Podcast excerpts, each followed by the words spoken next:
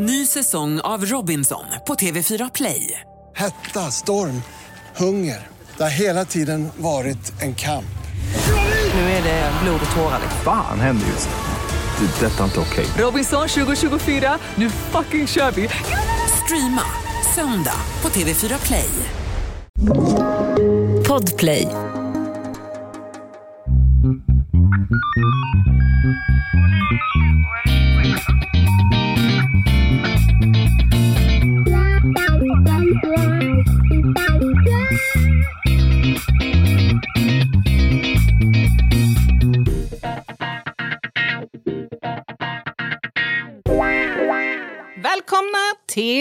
Krimpoddarnas krimpodd över min döda kropp.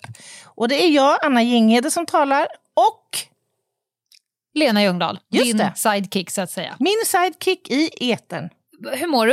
Jag mår bra, tycker jag. Du har en ganska pigg hoodie på dig. Du, jag känner mig... Alltså, Har du den- blivit batikhäxa? Nej, men alltså kolla in det här. Nu det ställer jag ju alltså upp. Den är alltså kroppad. Den är liksom lite... Ser du? Den är, Ooh. och nu har jag ju träningstights på mig, men jag har alltså haft Ja. höga jeans på mig. Jag känner mig så down with the kids i den här outfiten. Ja. Ja, jag kanske inte skulle ha sagt, som jag sa, jag skulle ha sagt så här, nice drip. Just det, det skulle du ha Ja. sagt. Ja, herregud. Ja. Nej, men det är, Fet drip du har idag, Anna. ja, den är väl kanske kantboll, men det fick bli den idag i alla fall. Du är på väg till gymmet också. Ja, ja, ja, för tusan. Det är jag. Har veckan varit bra? Ja, det tycker jag. Jag har ju varit och sladdat runt eh, på Island några dagar. Och Mm. det var ju väldigt speciellt, eh, särskilt som det var väldigt kallt och blåser väldigt mycket har jag upptäckt på Island. Luktar du fis? Eh, nej, det gör jag inte och jag har även klarat mig från eh, eh, lav, lava. Ja, Lava för det var min blått. upplevelse när jag var där, att även när man kommer ut ur duschen så har man en svag doft av fis. Av sulfat? Eller från... Ja. Ja. Ja, jag har faktiskt inte tänkt på det. Nej, Jag är känslig. Ja. Jag är otroligt noskänslig. Ja, okej. Nej, men det var Men bra. du, Och d- Ja. Du då? Nej, som vanligt bara. Det är som Jag har jobbat. Ja, Jag, ja, får, jag har hittills idag fortfarande inte gett SJ en minut av mitt liv Nej. 2024. Och det gör att jag känner mig så fylld av kraft och mod. Man kan väl säga att SJ erbjuder inte en miljö som du vill vistas i. Oh, vilken brygga, tackar, Ginghede! tackar, tackar. Ska vi tackar. prata miljö idag alltså? Är det Ja. dit vi ska? Ja, eh, det är ju tanken. Mm. Miljöbrott. Ja. Vi ska inte bara rent random prata om miljö. Nej, nej, men det ska vi inte göra. Vi, vi ska, Nej, och, och vi ingen får väl så att bekänna lite färg så här inledningsvis. Det är ju inte kanske poddens sexigaste tema vi har så att säga, an, adresserat. Men jädrar i min lilla låda vad viktigt det är att vi pratar om det här och vad mycket det finns att lära. Ja, för mig finns det ganska mycket att lära. För jag måste erkänna att av alla liksom, grejer som jag har jobbat med, grov organiserad brottslighet och så vidare, så miljöbrott är väl inte där jag är liksom tjockast. I, jag, jag minns faktiskt första eh, skubbet, som Mm, man säger, mm, som jag mm. fick när jag jobbade på ordningen.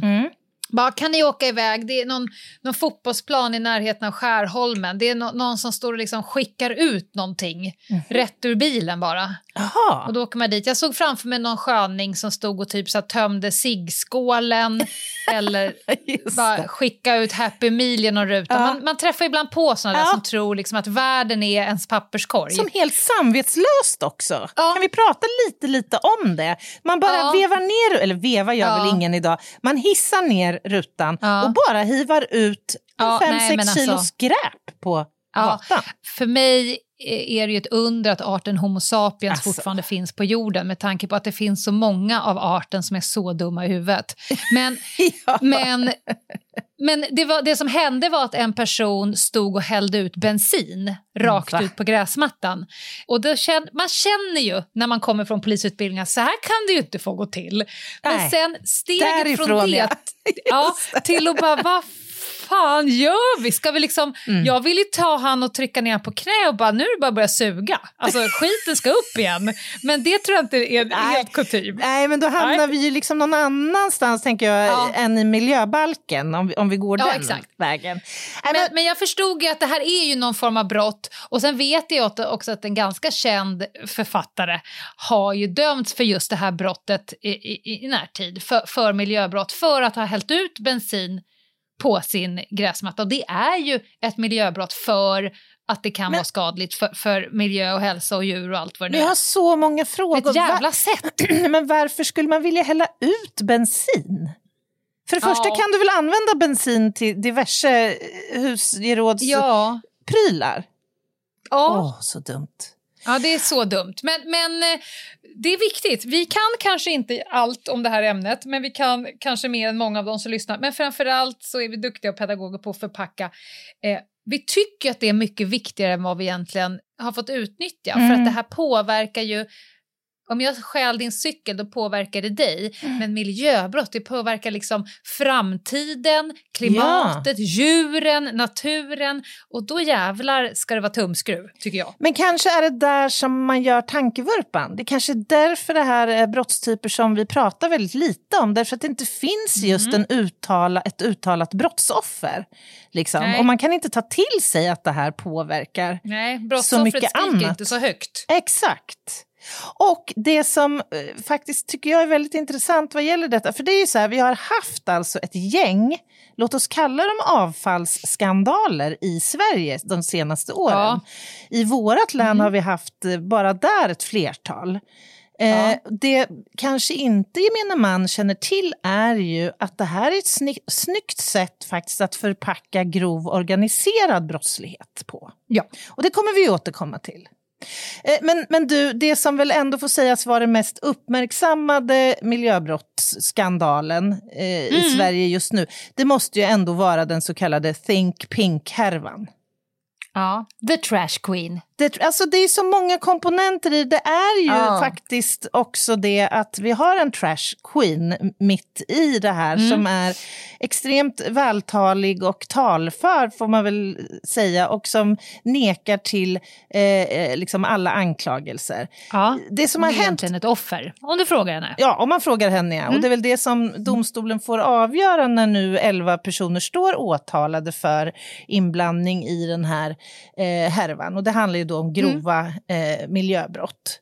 Det Ja. som har skett i korta drag, det är ju att de har mot betalning åtagit sig att ta hand om avfall från diverse företag. Det kan vara Mm, bygghandel. Mest bygg. Ja, ja. Och, och det är väl den branschen som kanske främst är i behov av, av att liksom undanforsla stora mängder Ja. eh, sånt här material. Och, och det här är ju ett ganska vanligt modus, så att säga. Ett företag ringer ett, sånt, ett annat företag eh, i syfte att få hjälp med att hantera sånt här restavfall. Man betalar för tjänsten och gör det i tron att det här avfallet kommer hanteras enligt alla gängse direktiv kring hur sånt här ska hanteras. Och att det kommer återgå till jord, höll jag på att säga, till natur i så liten skadlig form som möjligt. Men Ja. istället då, det som har skett här, det är att man har grävt ner avfall. Både, alltså man har varken sort, brytt sig om att sortera det mest farliga från det minst farliga, så att säga. Man har grävt ner, eh, man har eh, plastat in i stora balar så att det ska vara lättare att, att hantera. Man har använt det som utfyllnadsmaterial vid nya byggen. Inför åtalet nu så har man alltså identifierat ett 20-tal platser där det har dumpats enorma mängder avfall. Alltså vi snackar om kanske 200 000 ton avfall fördelat på Ja. de här olika platserna. Och det här är ju då superåklagare som eh, driver de här förundersökningarna. För det här är komplicerade grejer. Det klarar inte vem som helst. Man behöver ha specialistkunskaper för detta. Och de finns vid Riksenheten för miljö och arbetsmiljömål. Eh. Jag Ja. hörde att det här, de, de här åklagarna förhåller sig till just det här ärendet som ett av de största och värsta i Sverige på över 50 år. Förundersökningen, Lena Ljungdahl, uppgår till 45 000 sidor. Fan vad skönt att inte vara förundersökningsledare Åh. för det. Men tänk dig då, för att det här har ju också förknippats med bränder. Det kan, börja, det kan spontanbrinna Ja, ja. i Det finns här... ett berg som aldrig slutar brinna. Exakt, och Ja. det kan också, man kan också tänka att det anläggs för att man ska undanröja det här. Men förstår du hur mycket gift som sprids i vår luft och atmosfär till följd av den här hanteringen? Hur det förstör grundvatten, sjöar, Ja, men jag kan bli så djurliv. jävla irriterad och förbannad. I förrgår stod jag själv på en sån här kretsloppsstation Ja. eh, och skulle då slänga lite, man, man springer där, här är trä och här är det plast och sådär. Och så står jag med en galge framför mig där jag vet att själva med är en... plast och så ska jag försöka bryta loss själva kroken Ja, som är metall. Alltså förstå att individen försöker, man själv får fan sår på fingrarna bara. Och bredvid klädlådan står ett kylskåp, typ. Ja, exakt. Alltså det, Alltså det ja. Ja. men det är, ja, det är och respektlöst. så finns det här då, då liksom, klipp till, vad sa du, 200 000 ton. Avfall. Ja, men, och sen Ja. har det liksom, det är en sak att det här nu då grävs ner, fyller ut nya byggnationer. Men när det då börjar brinna och du också ska försöka Ja. släcka det här, förstår du hur många ton, eh, liter vatten som kommer att också fördela ut det här avfallet? Alltså spillvatten från släckning som också kommer gå ner i jord och mark och spridas till dagvatten och allt vad det nu är. Men kommer du komma till det, men hur fan tjänar de pengar på det här? Ja, vi kommer att prata om det här. Okej, ja. Såklart. Ja, vi har haft, kort sagt, vi har haft ett antal såna här händelser i Sverige. Inte av den här digniteten. Någon kanske minns eh, BT Kemi, företaget BT Kemi Teckomatorp som gjorde sig av med en massa gifttunnor genom att gräva ner och sådär. Och jag läste någonstans att nu, 50 år senare, så genomför man den tredje och sista så att säga, saneringsinsatsen Mm. med anledning av detta. 50 Mm. år senare. Mm, tack för det. Tack för de bra besluten som ni tog där på 70-talet. Oh, nej, det är skrämmande faktiskt. Men du Lena, du har koll på juridiken här va? Det kan jag inte påstå mer än att vi, vi har ju miljöbalken och det är, är ju en ramlag.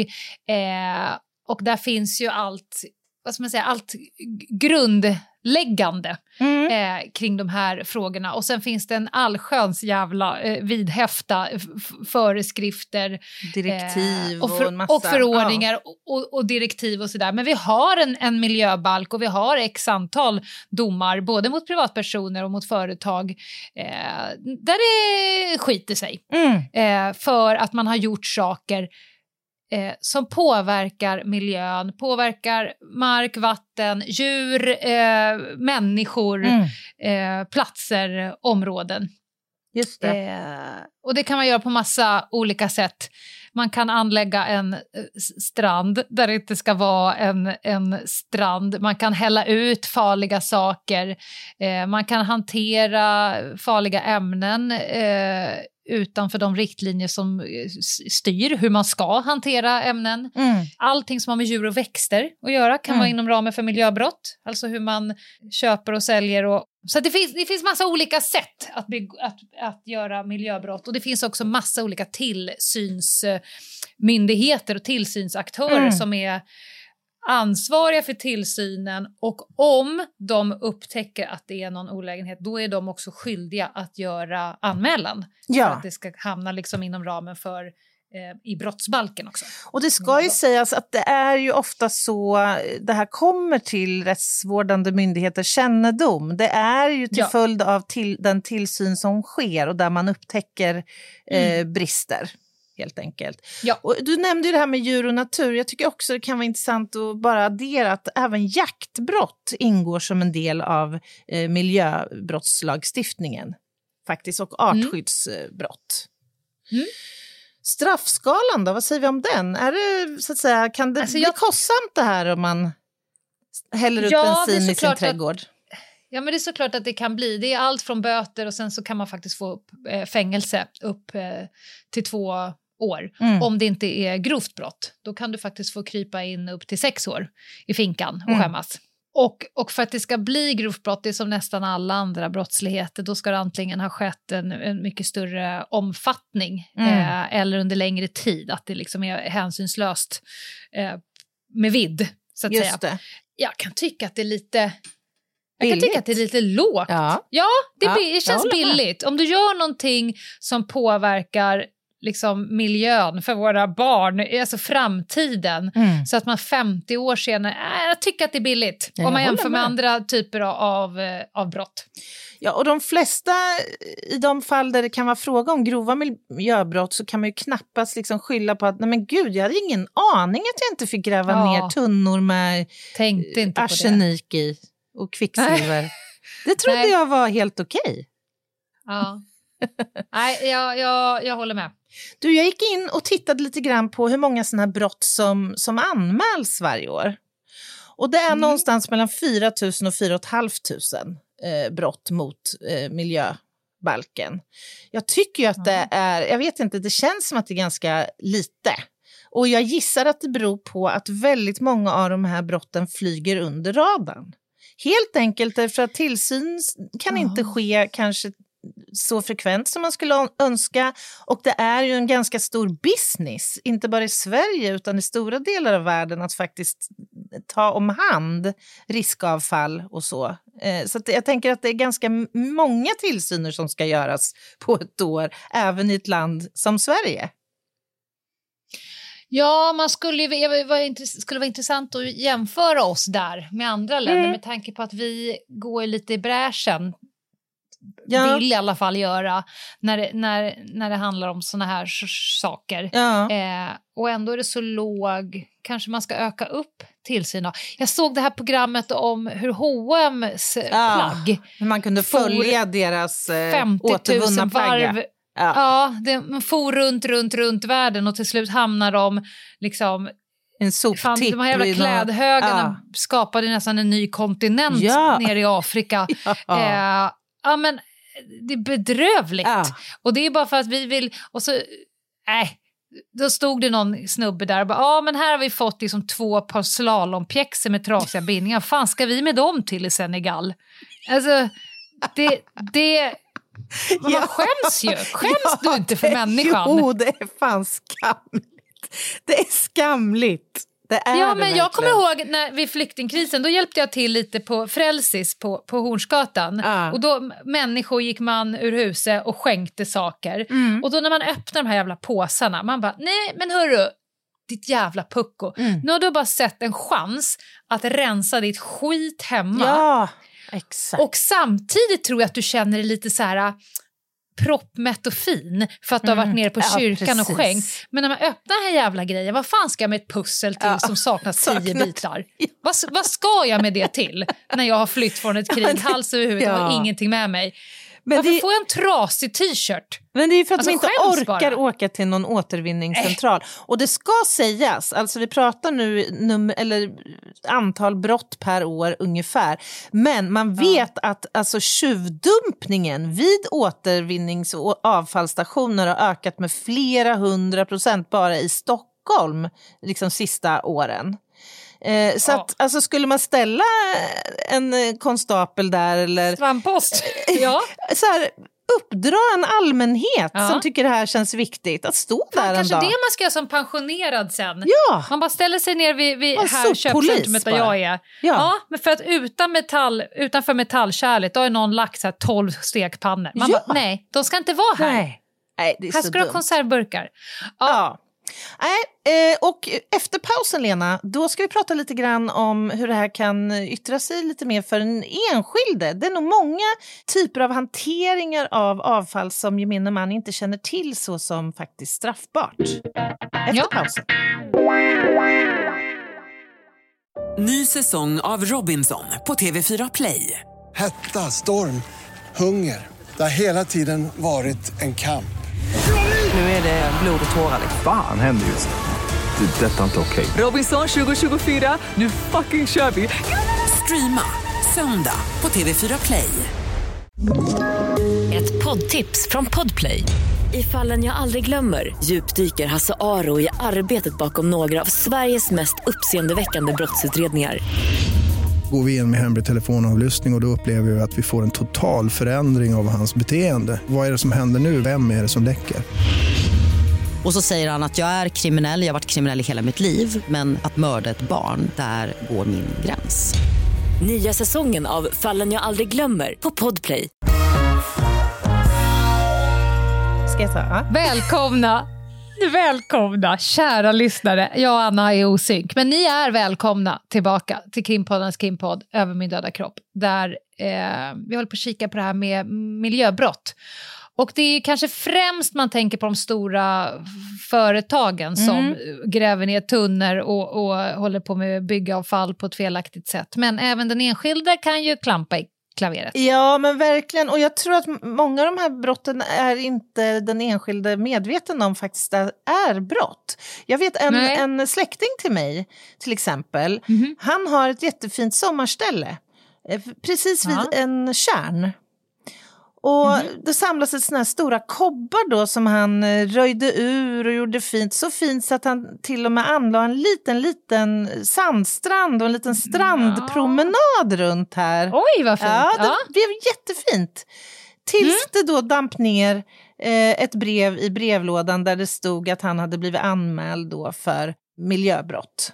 Ja, och då har han nog stört strandskyddet, alternativt så här brott, brott områdesskydd, som det heter. Är det för djur och natur? Eller, alltså, det är klart det är, men är det för att man stör ekosystem? Eller vad handlar det där om?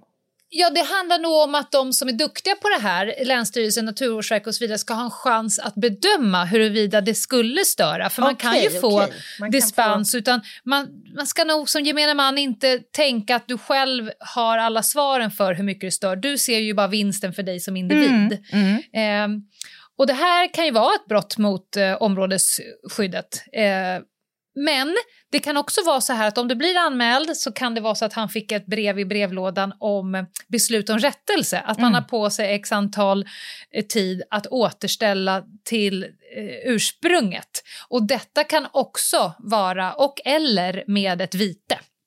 Och sen kan du utöver det dömas för själva Mm. eh, brottet. Du kan också dö- dömas att betala mm, saneringen. Som Just kommunen det. står för själva saneringsarbetet om du har gjort någonting som ska saneras. Men det kan du bli skyldig att betala saneringen. Plus att bli dömd. Det sorgliga är ju här att om du då så att säga har vidtagit den här förändringen vid din strandkant Ja. och så, så döms du för det här så är ju liksom Ja. skadan ändå oåterkallelig. Ja. Du kan ju liksom Ja. aldrig återställa den skadan Nej. som är skedd. Nej. Man kan ju försöka återställa i möjligaste mån och ibland kanske man inte ens får göra det själv utan kommunen kommer Just kliva in och säga "Det- här kommer vi få göra. Jag tänker att jag tar några så korta tidningsklipp där faktiskt enskilda personer har gjort sig skyldiga till miljöbrott.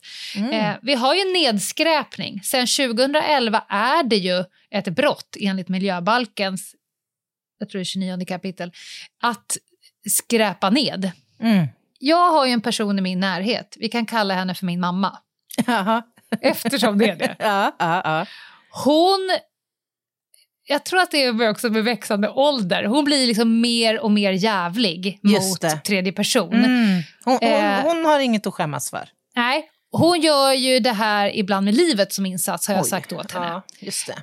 Hon avskyr ju rökare generellt, eh, men specifikt rökare som när de har rökt klart det. sprätter iväg fimpen och låter den landa på Moder Jord. Ja. ja. Ja.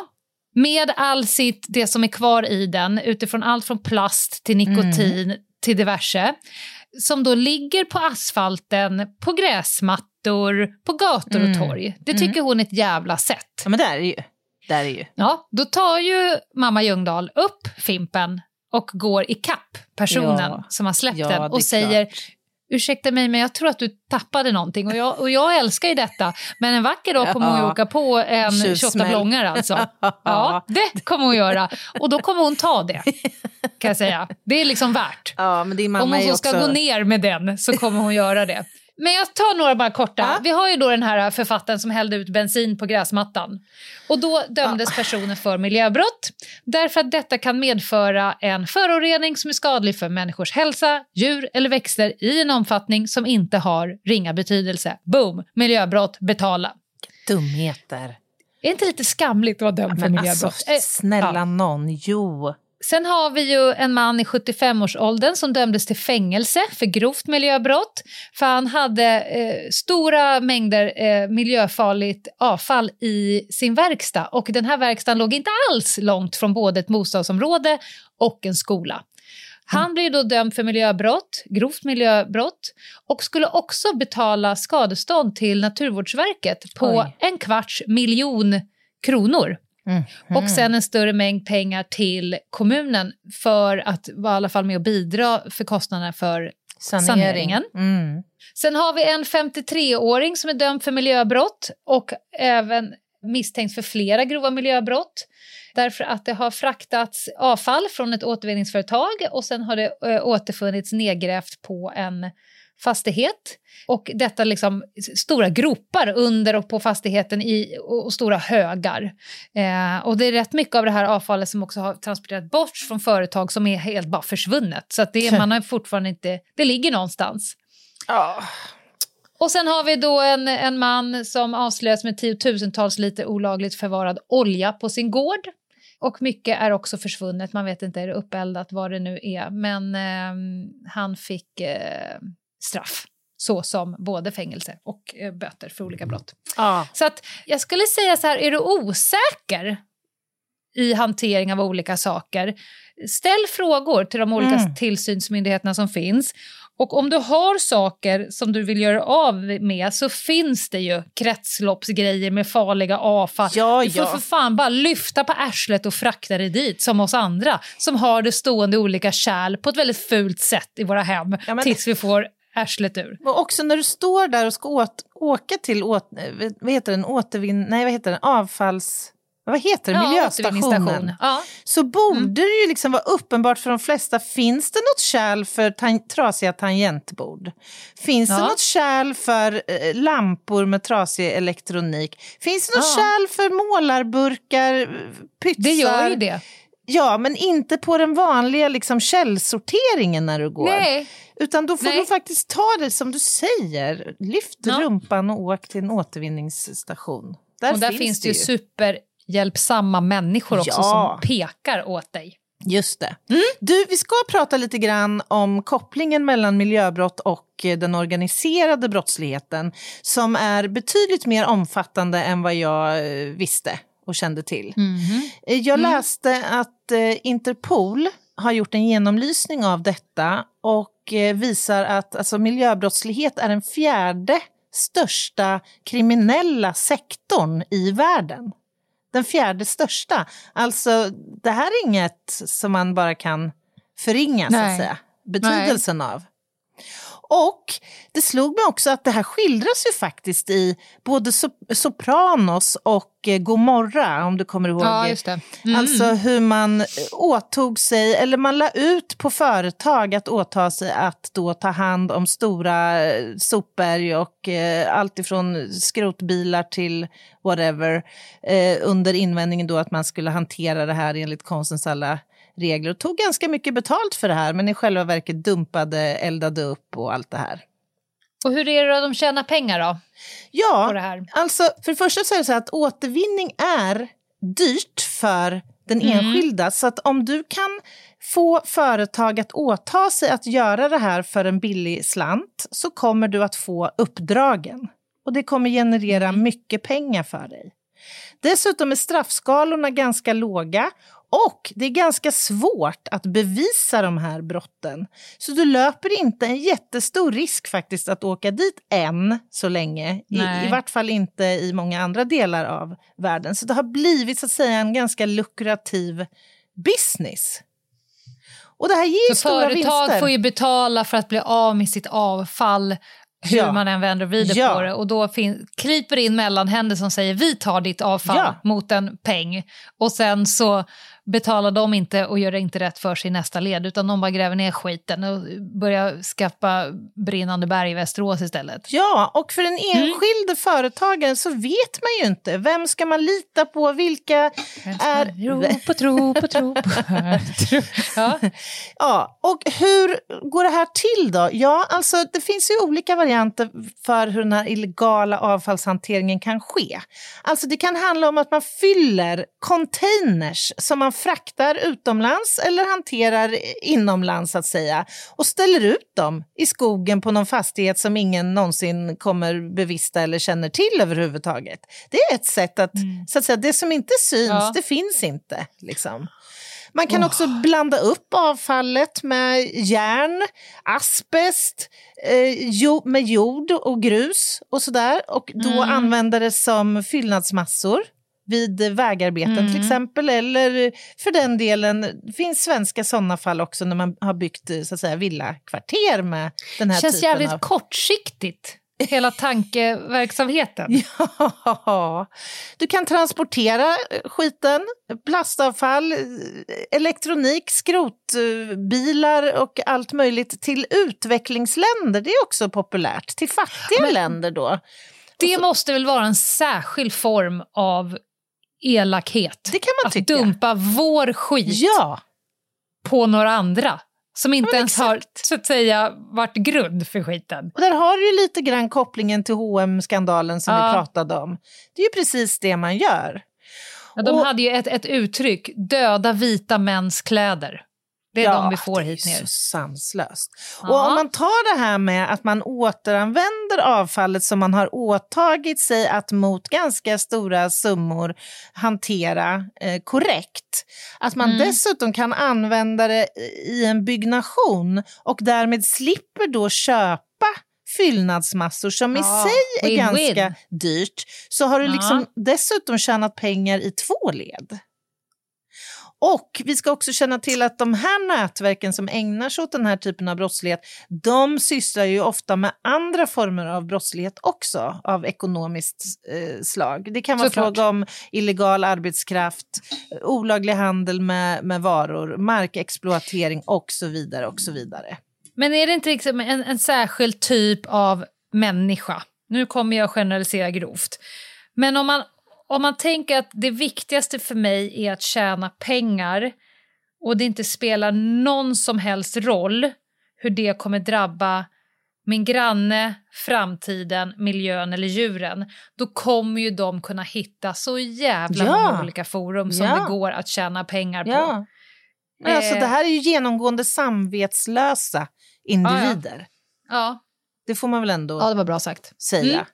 Och det är ju utmanande det här, för den här organiserade formen av miljöbrottslighet är svårbevisad. Alltså så här, hur ska du kunna bevisa att till exempel tio skrotbilar som tas över gränsen görs, att det tas över gränsen i syfte att så att säga dumpas i ett utvecklingsland och det inte är begagnade bilar som kommer säljas för en spottstyver i ett Nej. fattigt land där det kan vara eftertraktat, till exempel. En hel del målvakter skulle jag gissa också som står på de här bilarna. Ja, men det är såklart. Mm. Det är såklart där. Men det här, alltså, när man pratar om den här verksamheten även i Sverige så, så är just det här med den illegala avfallshanteringen, ett, ett, det anses vara ett stort och växande eh, problem. Så att eh, här kommer vi nog få eh, bekänna färg, eh, vi som jobbar eller kan beröras av den här typen Ja, av utredningar. Det, blir, det är kommer väl- nog bli vanligare tror jag.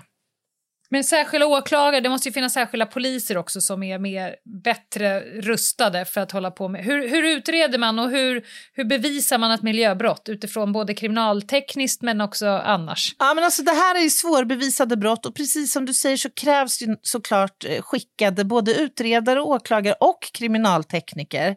Och det, det finns utbildningar att gå och det behöver man gå för att bli duktig på det här. Det finns ett 20-tal specialiståklagare i, i landet som är särskilt eh, utsedda för att hantera de här eh, målen. Och Mm. det tror jag är en jättebra eh, satsning så att säga. När det gäller kriminaltekniker så är det ju, vi förväntas ju ha så att säga en, en viss kunskap om även utredning av de här platserna eller undersökning av de här platserna. Men det här är svåra brottsplatser. Alltså jag kommer ihåg, vi hade ett ärende för ett antal år sedan, då hade en anmälare ringt in att det låg en massa död fisk i Svartån. Och när vi åkte ut så kunde vi konstatera... Var fan börjar man? Exakt! Ja, det är ju Ja. jättemycket död fisk här. Hur sjutton ska vi kunna bakspåra det här?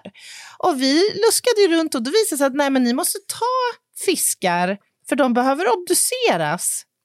Så vi, Ja. så vi fick alltså ta fiskar i behållare, Hålla vittnesförhör med en mört. Ja, men alltså förstår du hur absurt? Det är så långt Ja, ifrån jag fingeravtryck och blodbildstolkning som du kan eh, Ja. komma. Liksom. Fan vad svårt. Ja. Ja. Och, och varje gång är det så här, okej, v- var börjar vi? Ja, vi måste ju först försöka skapa oss någon slags bild om omfattningen av den här platsen. Ja, just det, det är paus. Mm. Eh, Du kan inte avsluta meningen så. Du kan väl avrunda lite snyggt? Här försöker man lite subtilt så här. Du borde bara, ja just det, just det, det är paus. Mitt det i en blev en sån mening. där pausen. Ja. Hörni, vi kommer gå på paus nu, som ni kanske hörde. Vi är snart tillbaka. Ny säsong av Robinson på TV4 Play. Hetta, storm, hunger. Det har hela tiden varit en kamp.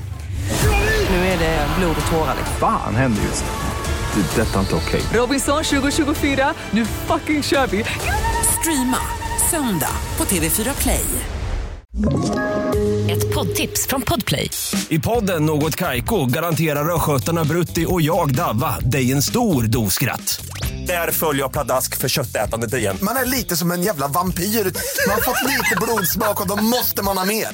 Udda spaningar, fängslande anekdoter och en och annan arg rant.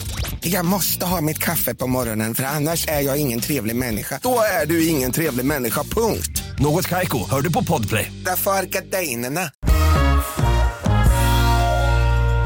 Välkomna tillbaka till krimpoddarnas krimpodd. Över min döda kropp. Anna var ju som ni hörde i steget för att berätta hur krångligt det är att som kriminaltekniker bevisa de här typen av eh, miljöbrott. Finns det någonting som du kan säga om hur man tänker kriminaltekniskt? Ja, alltså först och främst så måste du få en överblick av själva platsen. Hur, hur många hektar pratar vi om här? Och varför behöver du det? Jo, för du behöver ju välja ut var du ska ta till exempel markprover, vattenprover. Hur djupt behöver jag ta de här proverna? Men det här måste ju vara ett samarbete med Länsstyrelsen och Naturvårdsverket, eller? Eh, I wish. Ja, men alltså det händer. Vi tar naturligtvis hjäl- den hjälp vi kan få. NFC har också bra Ja. eh, utbildade individer som kan vara behjälpliga. Och vi, eh, har, det finns ingen prestige här, utan det här är faktiskt utredningar som ofta kräver specialistkompetens.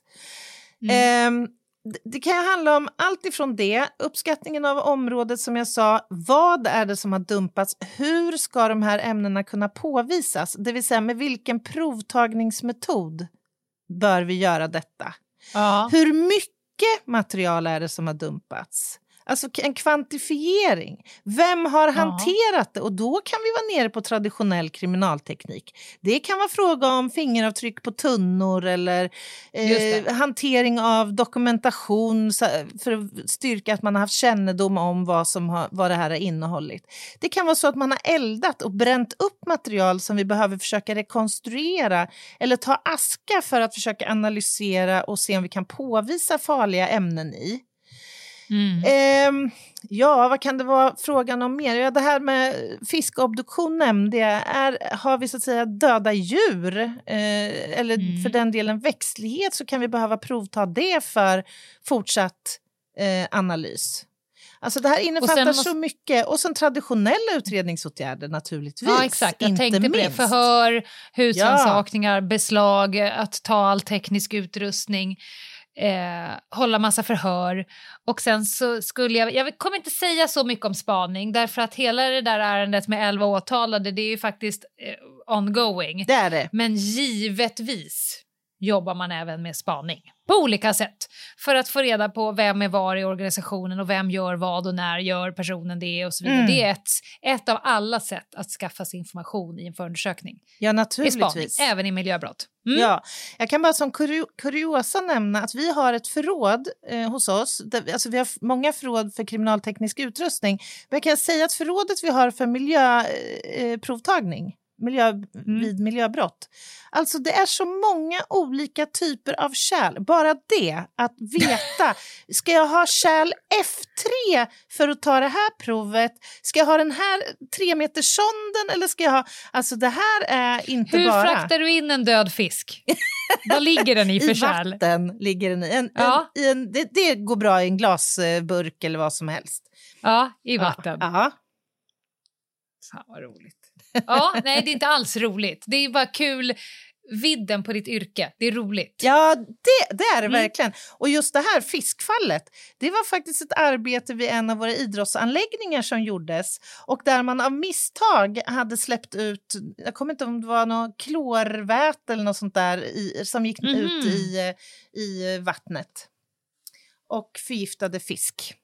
Så där fick man Ja. sanera för hela slanten. Jajamän. Men du... Hur eh, ska man bli bättre då?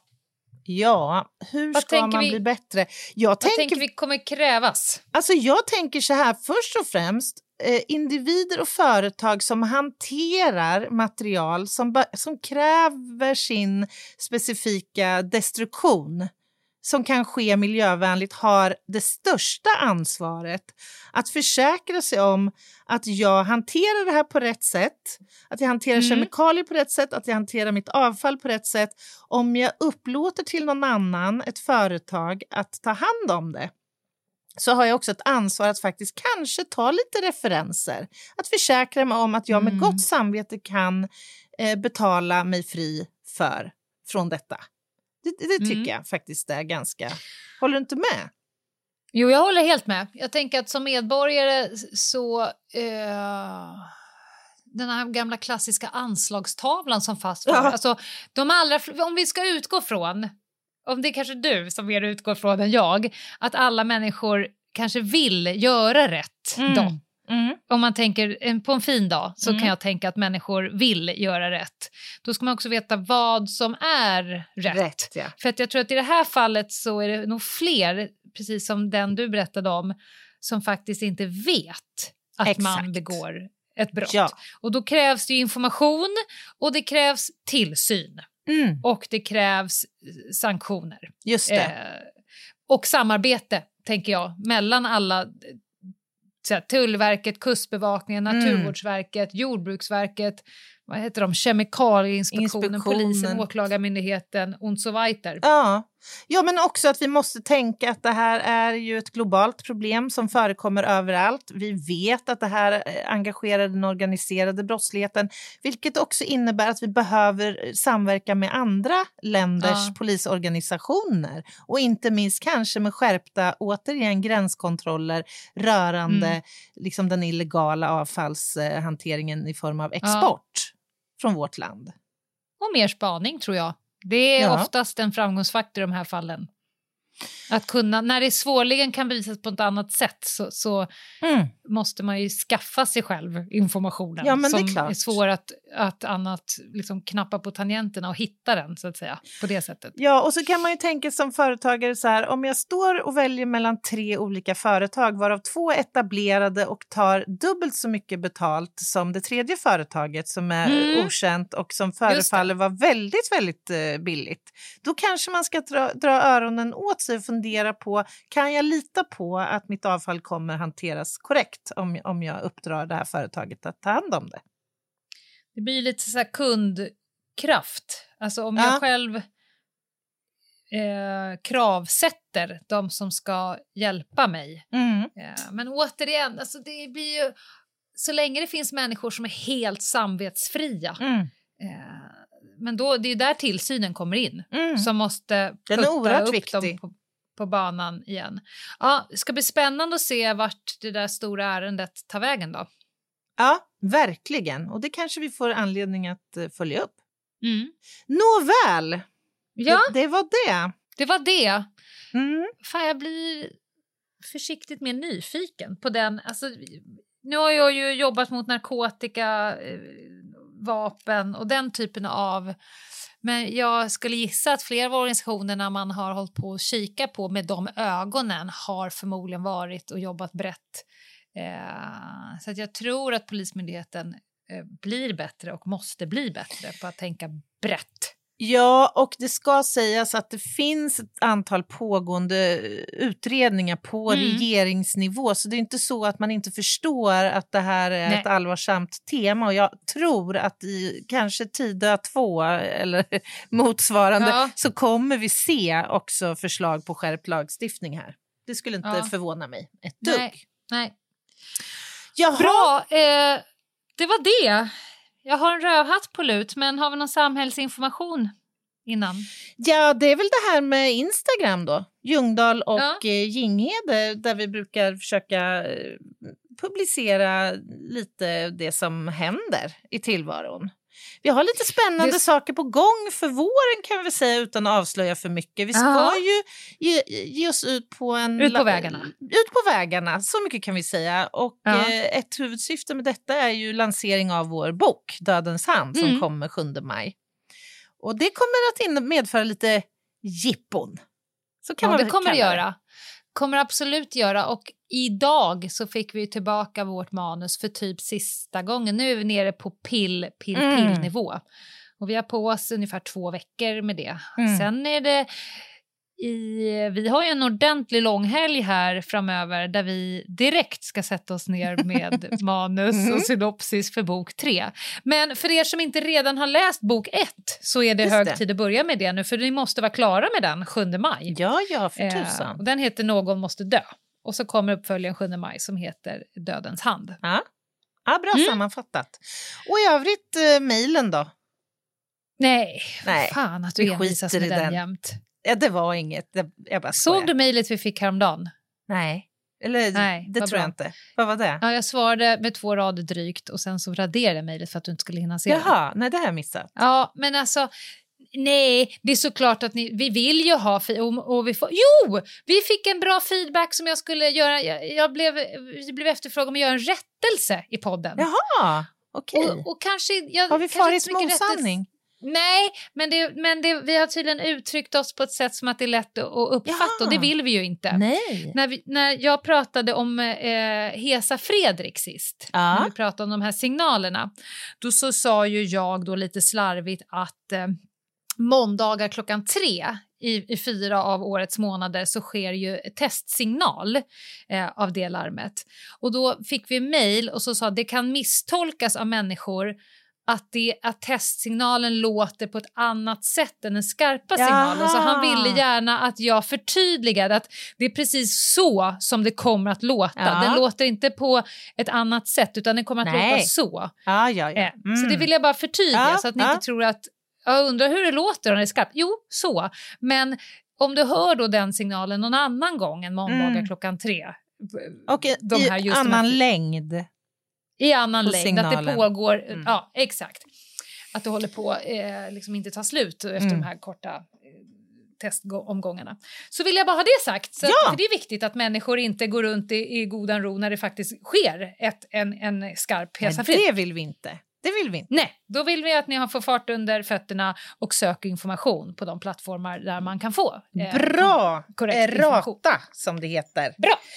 Men du, eh, du har en rövhatt hoppas jag. Apropå rata, ja, Ja. så nu är jag uppvärmd. Här kommer den, varsågoda. Lenas rövhatt. Jo, så här.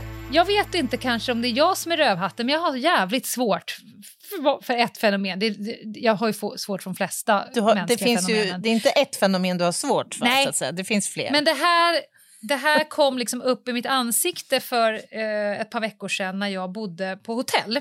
Mm. Ah. Om jag, bara om jag, jag ställer en fråga till dig nu, Anna. Ah. Hur ofta sitter du i din mans knä? Till att börja med. Hur ofta sitter du liksom i din mans knä? Alltså, jag vet inte om jag faktiskt någonsin har gjort det. Och det, beror- det är av respekt för honom som Ja. jag inte gör det. Nej, det är extremt sällsynt. Det skulle vara om vi är på, jag vet inte. Nej, jag, jag kan inte ens komma på när, när jag har gjort Nej. det eller skulle göra det faktiskt. Nej. Och, och än mindre kanske publikt. Ja, nej, eh, verkligen.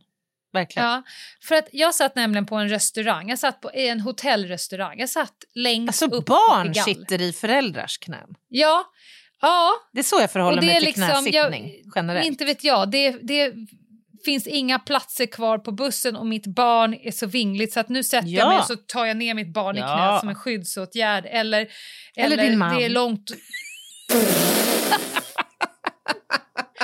Eller inte fan vet jag, det är lång kö och ungarna håller på att sura ur. Sätt det här. Ja. Och så vidare. Men jag sitter då eh, i restaurangen eh, uppe, längst upp på Pigalle. Sitter och käkar eh, och så ser jag ju då i mitten av restaurangen så finns några sköna soffor Mm. i, där nära brasan. Ja. Då sitter en, ma- en vuxen man sitter i soffan Mm. tillbakalutad. Jag är tvungen att, att smygfilma Du har ju och smygfotat och filmat detta, så Ja. jag har ju sett det här. Det, det Ja, känns jag är tvungen så att säga att få delad glädje. Ja. i dubbel glädje.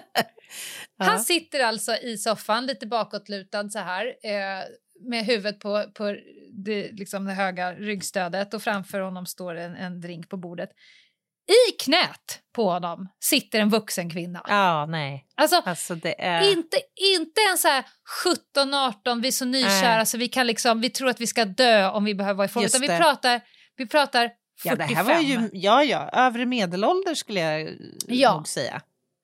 Och det är inte så här, oj, det är jättetrångt och mina ben har precis lossnat från min kropp. Utan det är så här, hela jävla soffan är ledig bredvid honom. Ja, ja, ja, visst. Ja, ja, Ja. verkligen. Så var det ju. Det var ju en stor jävla fel soffa så också. Ja, gör jag fel så blir provocerad över hur en vuxen person sitter i knät på en vuxen person i publika rum. Jag vet inte vad det är som är värst, om det är just faktumet att två vuxna män sitter i varandras knä, så att säga. Det är, Ja, det män ju- också, det- det människor, ja. ska jag Ja. säga. Det och spelar ju ingen roll sig. Nej, det spelar ingen Nej. roll. Eller om det är att det är en ganska intim... Alltså det är ju inte ett stort steg mellan det och det klassiska soffhånglet. Alltså. Nej, det vill jag inte heller se. Nej, jag menar det. Nej. Det vill man ju inte. Nej. Alltså, det, är, det är en hårfin eh, gräns där emellan. Ja, men alltså... Hade vi varit på ett ställe där folk är pissefulla och de hade typ så stått och torrjuckat mot Ja, varandra, ja, då jo. hade man ju klassiskt tänkt så här, men get a fucking room, Ja. bye bye, Ja. skärp er för fan, Ja. Vuxna. Men jag vill inte se ert slafsande och s- slimande, jag vill inte se det. Men i och med att det här var liksom någonting som, på, jag tror att hon satt där i lugna 45 minuter. Ja, det var ju en, det var ju, verkligen, det var en lång stund. Och han satt också så här bakåtlutad som att de hade ingen vidare interaktion med varandra utan hon satt på hans knä med sin eh, glas vin i handen och tittade ut så här på folket och han satt lite så här bakåtlutad med, med, och, och liksom man bara vad gör ni? Jag, jag var så... Kan man utesluta att det hade skett någon slags penetration? Alltså det finns ju exhibition... ja, ja, men jag menar, alltså, det var ingen filt över knä eller så. Jag, alltså, alltså, jag tänker att det finns Nej. exhibitionister som Ja, liksom fattar. kickar igång på det här att göra det i Du offentliga tänker att hon var rummet. liksom fast Ja. underifrån? Ja, vem vet? Nej, nej, jag skulle vilja med bestämdhet hävda att jag såg eh, klädtyg intakt, men framförallt så såg jag ingen tillstymmelse till rörelse. Jag var mer orolig att han okej, hade dött Jag där tänkte av att han vikt. lutar sig bakåt sådär som i någon slags Ja. välbehag och hon eh, lite Nej. subtilt eh, Nej, nej, fram Nej, jag hade och plockat åter upp det. så att säga. Rörde nej, sig nej, det hade jag plockat upp. Nej, Nej, det fanns ing- Hon bara satt där som jävla pascha. då på... för då är det nästan ännu konstigare kan jag tycka. Ja, Alltså- ja, då hade jag ju kunnat placera dem i det facket. Det, det är som att Alltså. sätta sig på en stol eller en soffa. Alltså, Ja. Det fyller ju bara hans knä eh, en, en enda funktion. Ja, Det utgör Och då hade de väl lika gärna kunnat sitta bredvid. Ja, ja, ja, Ja. såklart. Nej, jag, vill inte, jag vill inte se vuxna människor sitta på varandra eller göra någonting. Det finns ju för fan en plats bredvid. Vad är, Men- vad är men- frågan om? Var går din gräns? Det här tycker jag ändå är lite... Alltså så här, kram kram är okej tydligt. i det offentliga rummet. Det tycker du är okej. Ja, kort. Sen nej, du är ju inte alltid, alltså där får man ju verkligen, till Så och med länge det jag. inte sker till mig. Nej, nej precis. Nej. Jag brukar ju tvinga till mig en kram av dig. Ja, men, de det, är så jävla långa dina jag vet, kramar. jag vet. Men det, är Det ju tar ju också, aldrig slut. Precis, men det kan också bero på att jag håller ut Du säger ju också så här, lite till, Ja, säger du. ja. På ett helt Jag obehagligt sätt i mitt öra. Det är för att du jag står med det. armarna längs Ja, sidorna som en ja, torsk. ja. Som en död torsk. Ja. Och du bara, lite till. Ja. Men det är ju... Det är det tycker, jag njuter ju lite av det, för jag vet att du Ja, jag tycker vet. att det är fruktansvärt. Men okej, kram kan du ändå, liksom, det kan du hantera. Ja, ja. Puss. Alltså, ja, det kan jag hantera, men den ska fan inte vara lång alltså. Nej. Och framförallt inte på mig. Jag, jag är mycket Nej, nej, mer men- för eh, eh, liksom en snabb... Du vet, man kan väl kindpussas då? Okej. Men Så kyss Alltså- med tunga uteslutet. Nej, för fan! Okej, det uteslutet, det gör absolut. du hemma. Ja. Vad sägs Ja. om en fotmassage? Om de här två hade suttit i den här soffan och bara masserat varandras fötter lite. Nej, då hade jag faktiskt sagt till. Då hade jag gått till Hugo i baren och bara, du får skicka ut de där två.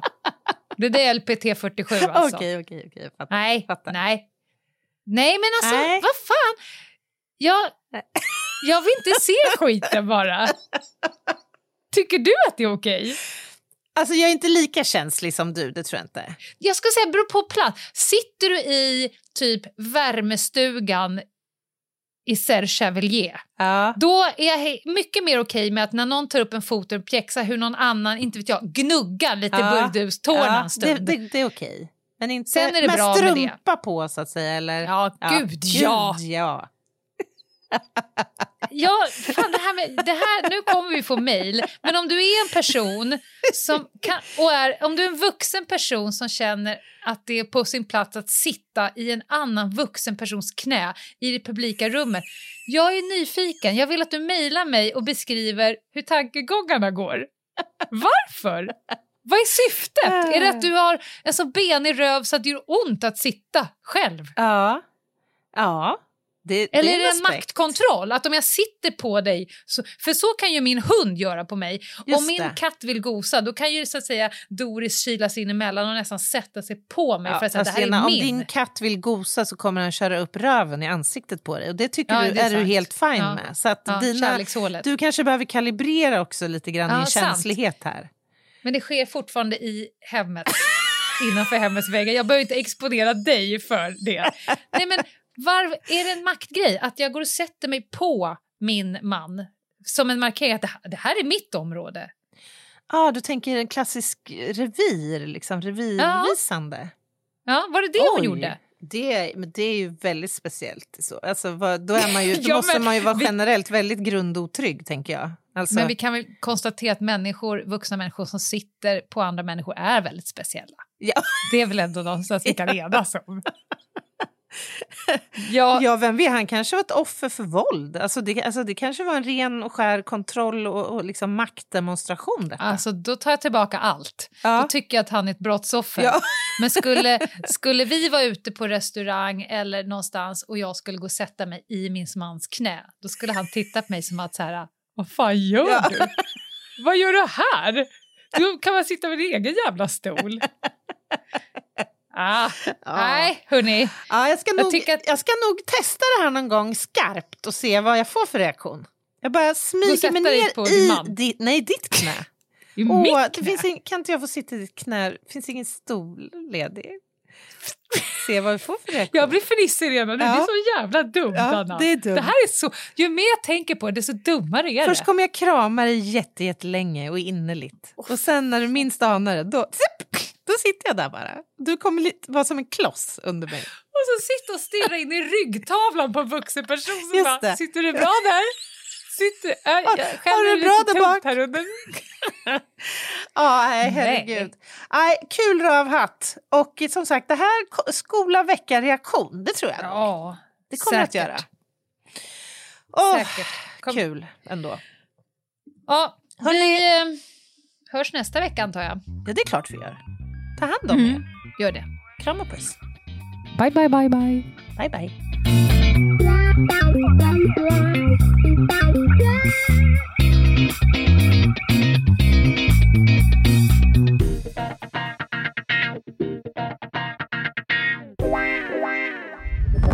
Podplay, en del av Power Media.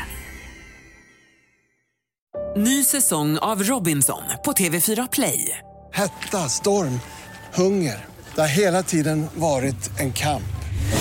Nu är det blod och tårar. Fan händer just nu. Det. är Detta är inte okej. Robinson 2024, nu fucking kör vi! Streama söndag på TV4 Play.